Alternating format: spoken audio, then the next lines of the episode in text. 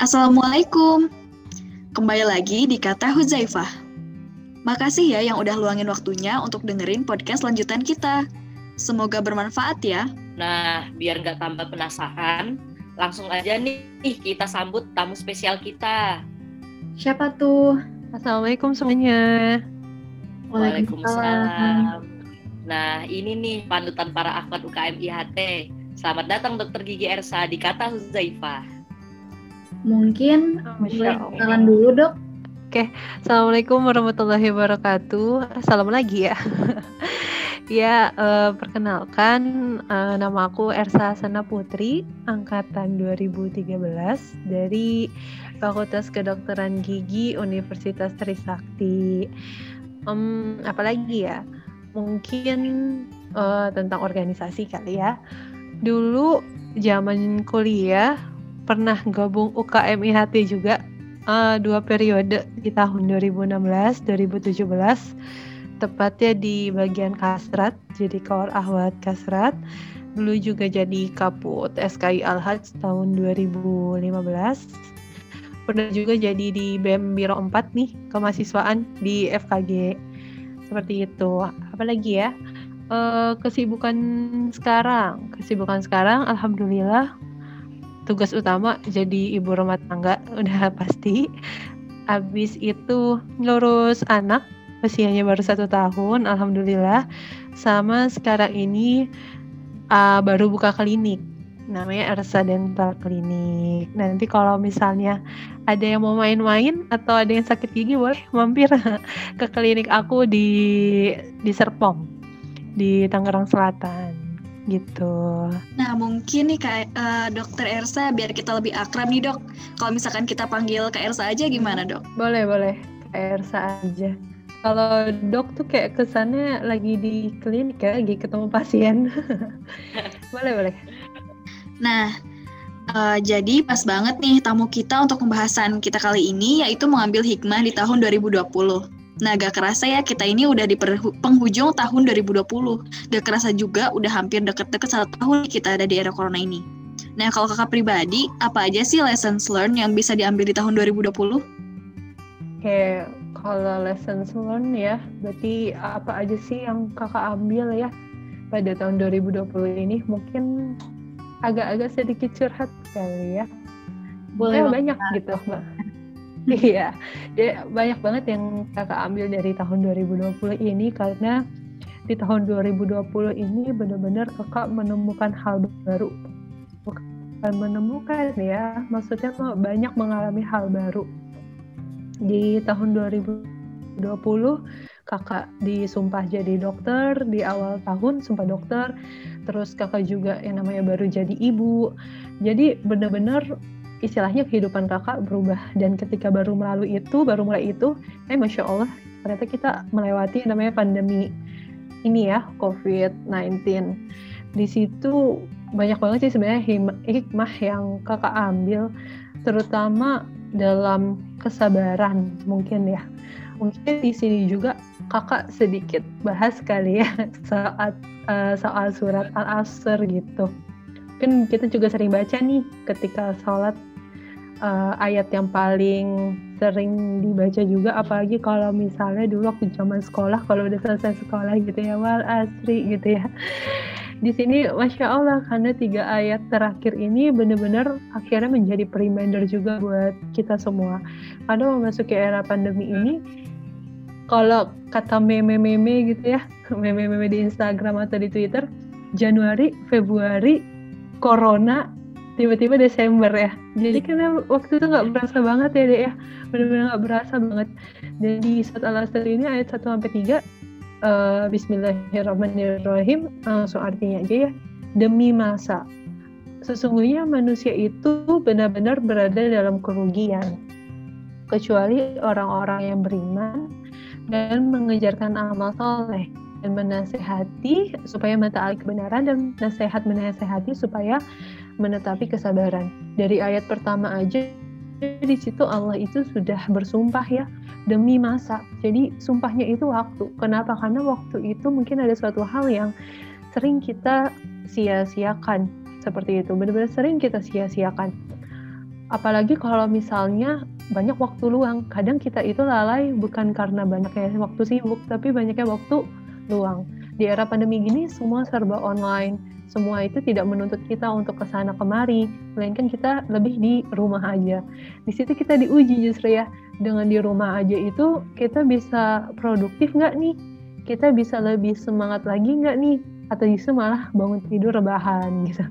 Kuliah kadang off video sambil main PUBG mungkin kalau buat yang cowok-cowok ya atau jangan sampai ini kita kuliah nonton Netflix gitu ya apalagi banyak drakor-drakor yang bertebaran di mana-mana akhirnya waktu ini yang jadinya menguji kita gitu karena sesungguhnya hidup itu ujian ya Nah, di ayat kedua itu sesungguhnya manusia itu benar-benar dalam kerugian. Allah mengatakan gitu, manusia itu dalam kerugian. Tapi ya, manusia yang seperti apa sih yang rugi?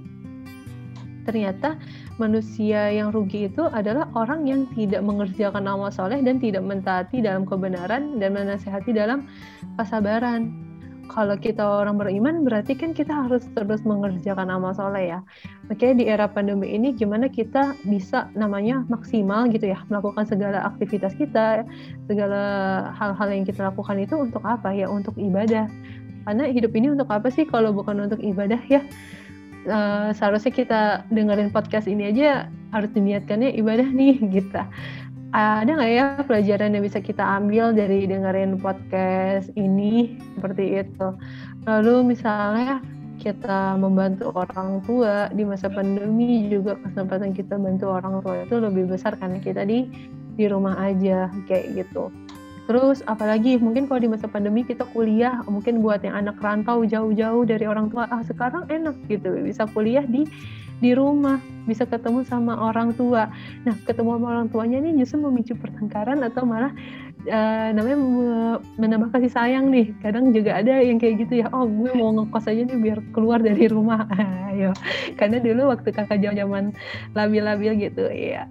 Itu juga kakak kayak gitu juga gitu. Oh, mau keluar rumah aja lah malah sekarang kalau di rumah malah ribet-ribet. Nah ini juga akhirnya menjadi concern juga buat kita gitu. Entah di rumah ini menjadi amal ibadah kita uh, berbakti sama orang tua apa enggak? Nah ini sebenarnya reminder ya buat kakak pribadi juga walaupun kakak sudah berkeluarga tetapi kakak juga tinggal dekat sama orang tua kayak gitu. Jadi ya gimana tetap harus uh, silaturahim juga seperti itu. Dan dikatakan juga uh, di sini mentaati dalam kebenaran dan juga mentaati dalam kesabaran. Kalau kebenaran ya kita udah pasti tahu lah ya, apalagi di sini nih ya, adik-adik di UKM Islam Huzaifah ataupun adik-adik di SKI ataupun mungkin tidak berkecimpung di UKM atau SKI tapi memang aktif di organisasi dakwah lain gitu ya di rumah, di remaja masjid, ataupun memang aktif di medsos ya untuk berdakwah. Memang kewajiban kita itu tidak lain dan tidak bukan memang untuk berdakwah. Dan berdakwah itu bukan hanya mungkin kita masuk ke organisasi ya, tapi juga gimana kita bisa mencontohkan hal baik karena hal baik itu lebih dilihat orang gitu lebih ngena gitu kalau kita contoh kalau kakak udah berkeluarga kayak gini ya Ukasyah misalnya masih satu tahun kita oh Kasya sholat. Nggak mungkin juga ya masih satu tahun ngerti juga enggak. Tapi gimana oh kakak contohin uh, kakak sholat depan dia kakak tilawah Quran depan dia gitu. Kakak sabar depan dia ketika dia ngamuk-ngamuk ya seperti itu. Itu juga masuk dalam dalam dakwah. Nah di sini menasehati supaya mentaati kebenaran dan juga kesabaran. Nah sebenarnya kesabaran ini kan poin yang paling penting ya apalagi di pandemi corona ini. Sabar itu mungkin kita semata-mata dengar kalau kita dapat ujian, kita dapat musibah, kita mikir oh kita harus sabar. Tapi kita lupa gitu bahwa kesabaran di dalam ketaatan dan juga kesabaran yang di mana dalam nikmat. Nah sebenarnya pandemi corona ini untuk bagi orang yang mampu ya mungkin ya insya Allah lah kita di sini mungkin tidak kekurangan satu dan lain hal. Kita masih bisa tidur kita masih bisa makan yang enak kita masih ya masih diberi rezeki lah yang banyak oleh Allah. Mungkin tidak semua orang bisa mendapatkan rezeki ini. Untuk kita kita yang masih bisa hidup enak dalam tanda kutip ya di masa pandemi di masa corona ini akhirnya kita berpikir oh ini waktu selama corona udah dimaksimalin belum ya apa ternyata tilawah yang selama ini sehari sejus malah jadi sehari satu lembar gitu. Atau malah uh, tahajud yang selama ini dilakuin malah nggak pernah dilakuin lagi. Atau duha yang selama ini 8 rakaat jadi cuma dua rakaat atau bahkan nggak dilakuin lagi. Itu akhirnya menjadi bahan evaluasi kita gitu untuk semuanya. Kesabaran adalah kenikmatan. Kenikmatan yang Allah beri sama bumi ini membuat kita leha-leha atau enggak. Sama yang ya itu tadi ya sekarang kalau kakak lihat zaman zamannya orang tuh nonton drama Korea gitu. Apa sih yang hype hype kemarin ya? Ada uh, macam-macam lah itulah ya. Nanti sebut merek juga lagi nih. Drama Korea yang SU itu ya singkatannya gitu. Apalagi tuh yang kemarin jujur kakak pribadi ini dulu pencinta Korea Korea nih. Apalagi kalau misalnya teman-teman kakak tahu ya sampai kakak pun ikut pertukaran pelajar juga ke Korea saking kakak suka dengan Korea. Tapi akhirnya menjadi bahan evaluasi lagi. Nonton drama Korea tuh melalaikan kita atau enggak? Atau malah sehari jadi nonton berepisode-episode ya kan? Akhirnya kewajiban yang seharusnya ditunaikan malah nggak jadi tertunaikan makanya akhirnya ketika kakak diajakin nih ya sharing-sharing kakak bukan belajar juga di sini kan podcast curhat-curhat ya sharing-sharing. Ketika diajakin sharing-sharing di sini akhirnya yang terpintas sama kakak yaitu tadi surat al serta di ayat 1 sampai 3 surat yang ayatnya banyak eh ayatnya banyak ayatnya tidak banyak apa ya ayatnya tidak banyak tapi akhirnya menjadi refleksi untuk kita pribadi mungkin di sini uh, kakak juga mengutip gitu ya dalam tafsir uh, Zilal Quran karya Said Kutub ya Masya Allah nih beliau ini salah satu ulama yang luar biasa mengatakan gitu uh, pada surat ini yang hanya memiliki tiga ayat terkandung suatu manhaj yang menyeluruh tentang kehidupan umat manusia sebagaimana yang dikehendaki Islam gitu. Ia meletakkan suatu konstitusi Islami dalam kehidupan seorang muslim tentang hakikat dan tujuan hidup. Tujuan siapa? Tujuan hidup kita gitu ya. Meliputi kewajiban dan tugas-tugasnya ini merupakan suatu bukti bahwa surat Al-Asr ini uh, merupakan mukjizat Allah yang tiada seorang pun dapat uh, melakukannya. Seperti itu. Dan diriwayatkan juga gitu ya bahwa Imam Syafi'i pernah berkata seandainya saja Al-Qur'an itu tidak diturunkan, niscaya satu surat ini cukup menjadi petunjuk manusia karena di dalamnya terkandung pesan-pesan uh, Al-Qur'an seperti itu. Memang sih baiknya kita belajar tafsir ya. Jadi kita baca Quran nggak cuma dapat artinya aja, tapi hmm, dapat kandungannya seperti itu. Jadi kalau ditanya lesson apa yang diambil, ya banyak terlebih dalam memanage waktu, memanage waktu. Uh, mungkin agak-agak curhat-curhat dikit juga ya. Kakak banyak belajar juga dari teman-teman kakak yang koas nih. Di koas itu banyak gitu ya karena teman-teman kakak mendapat keberkahan dari corona. Seperti mungkin kerja pasiennya itu hmm, ada yang kadang dipermudah gitu walaupun kekurangannya jadinya kerja di Phantom ya kadang beda gitu feel yang kerja di Phantom sama kerja di pasien. Tapi ada bilang ya karena corona akhirnya juga bisa mengejar ketertinggalannya. Tapi mungkin di sisi lain ya itu tadi kita jadi nggak bisa dapat kerja pasiennya. Jadi intinya apa pun yang sudah terjadi itu memang itu udah rencana Allah yang terbaik. Kadang kita mikir itu nggak terbaik untuk kita musibah-musibah atau misalnya hujan-hujan datang itu nggak terbaik. Padahal Allah paling tahu ya yang terbaik untuk untuk kita itu apa. Dan di 2020 ini pun juga kakak nggak menyangka ya ternyata kakak pun bisa hmm, buka klinik gitu. Karena itu sebenarnya di luar ekspektasi kakak juga. Di awal sebenarnya kakak emang ada rencana gitu buat klinik. Tapi mungkin nggak dalam waktu dekat kakak ada rencananya itu mau kerja-kerja dulu gitu entah di klinik lain atau di rumah sakit ya kodarullah uh, pandemi datang kakak beberapa bulan karena punya bayi ya kan ketika mau kerja lagi ini mungkin kakak pernah sempet sih sharing gitu ya sempet kakak pernah sharing-sharing juga tentang ini gitu. Ternyata kodarullah kakak nggak keterima lagi tuh di klinik karena di klinik tempat kakak yang sebelumnya itu kan tutup karena pandemi corona. Kakak daftar klinik ini itu malah nggak nggak apa ya lowongannya tutup lah apalagi rumah sakit ya. Rumah sakit mungkin yang dibutuhkan sekarang dokter umum bukan dokter gigi. Ya mungkin itu jalan jalan juga gitu untuk membuat klinik. Akhirnya kakak melihat peluang. Oh mungkin emang ini peluangnya Allah memberikan jalan untuk buat klinik walaupun dengan berbagai macam drama yang ada gitu ya. Namanya kita buat bisnis usaha nggak mungkin nggak ada dramanya. Kita hidup aja di drama apalagi nekat gitu ya buat klinik buat klinik usaha yang memang memakan waktu dan juga biaya yang sebenarnya tidak sedikit seperti itu. Jadi ya balik lagi gitu apa sih yang bisa diambil? Yang bisa diambil adalah ya gimana akhirnya kita bisa memanage waktu dengan sebaik-baiknya? Gimana akhirnya kita bisa memanfaatkan waktu yang ada dengan mungkin kita melihatnya keterbatasan ya keterbatasan yang ada tapi menjadi satu hal yang maksimal. Dan dalam 2020 ini kakak juga banyak ambil pelajaran ya akhirnya kakak juga bisa lebih dekat sama anak kakak. Mungkin kalau dulu kakak rencananya mau kerja di klinik uh, bisa mungkin pagi sore ternyata Allah berkehendak lain kakak disuruh menemani tumbuh kembang anak kakak gitu ya sampai usia satu tahun. Jadi kita harus bisa gitu ya mengambil hikmah mengambil hal-hal baik dari apa yang sudah terjadi gitu. Karena nggak banyak orang uh, bisa berpikiran seperti itu.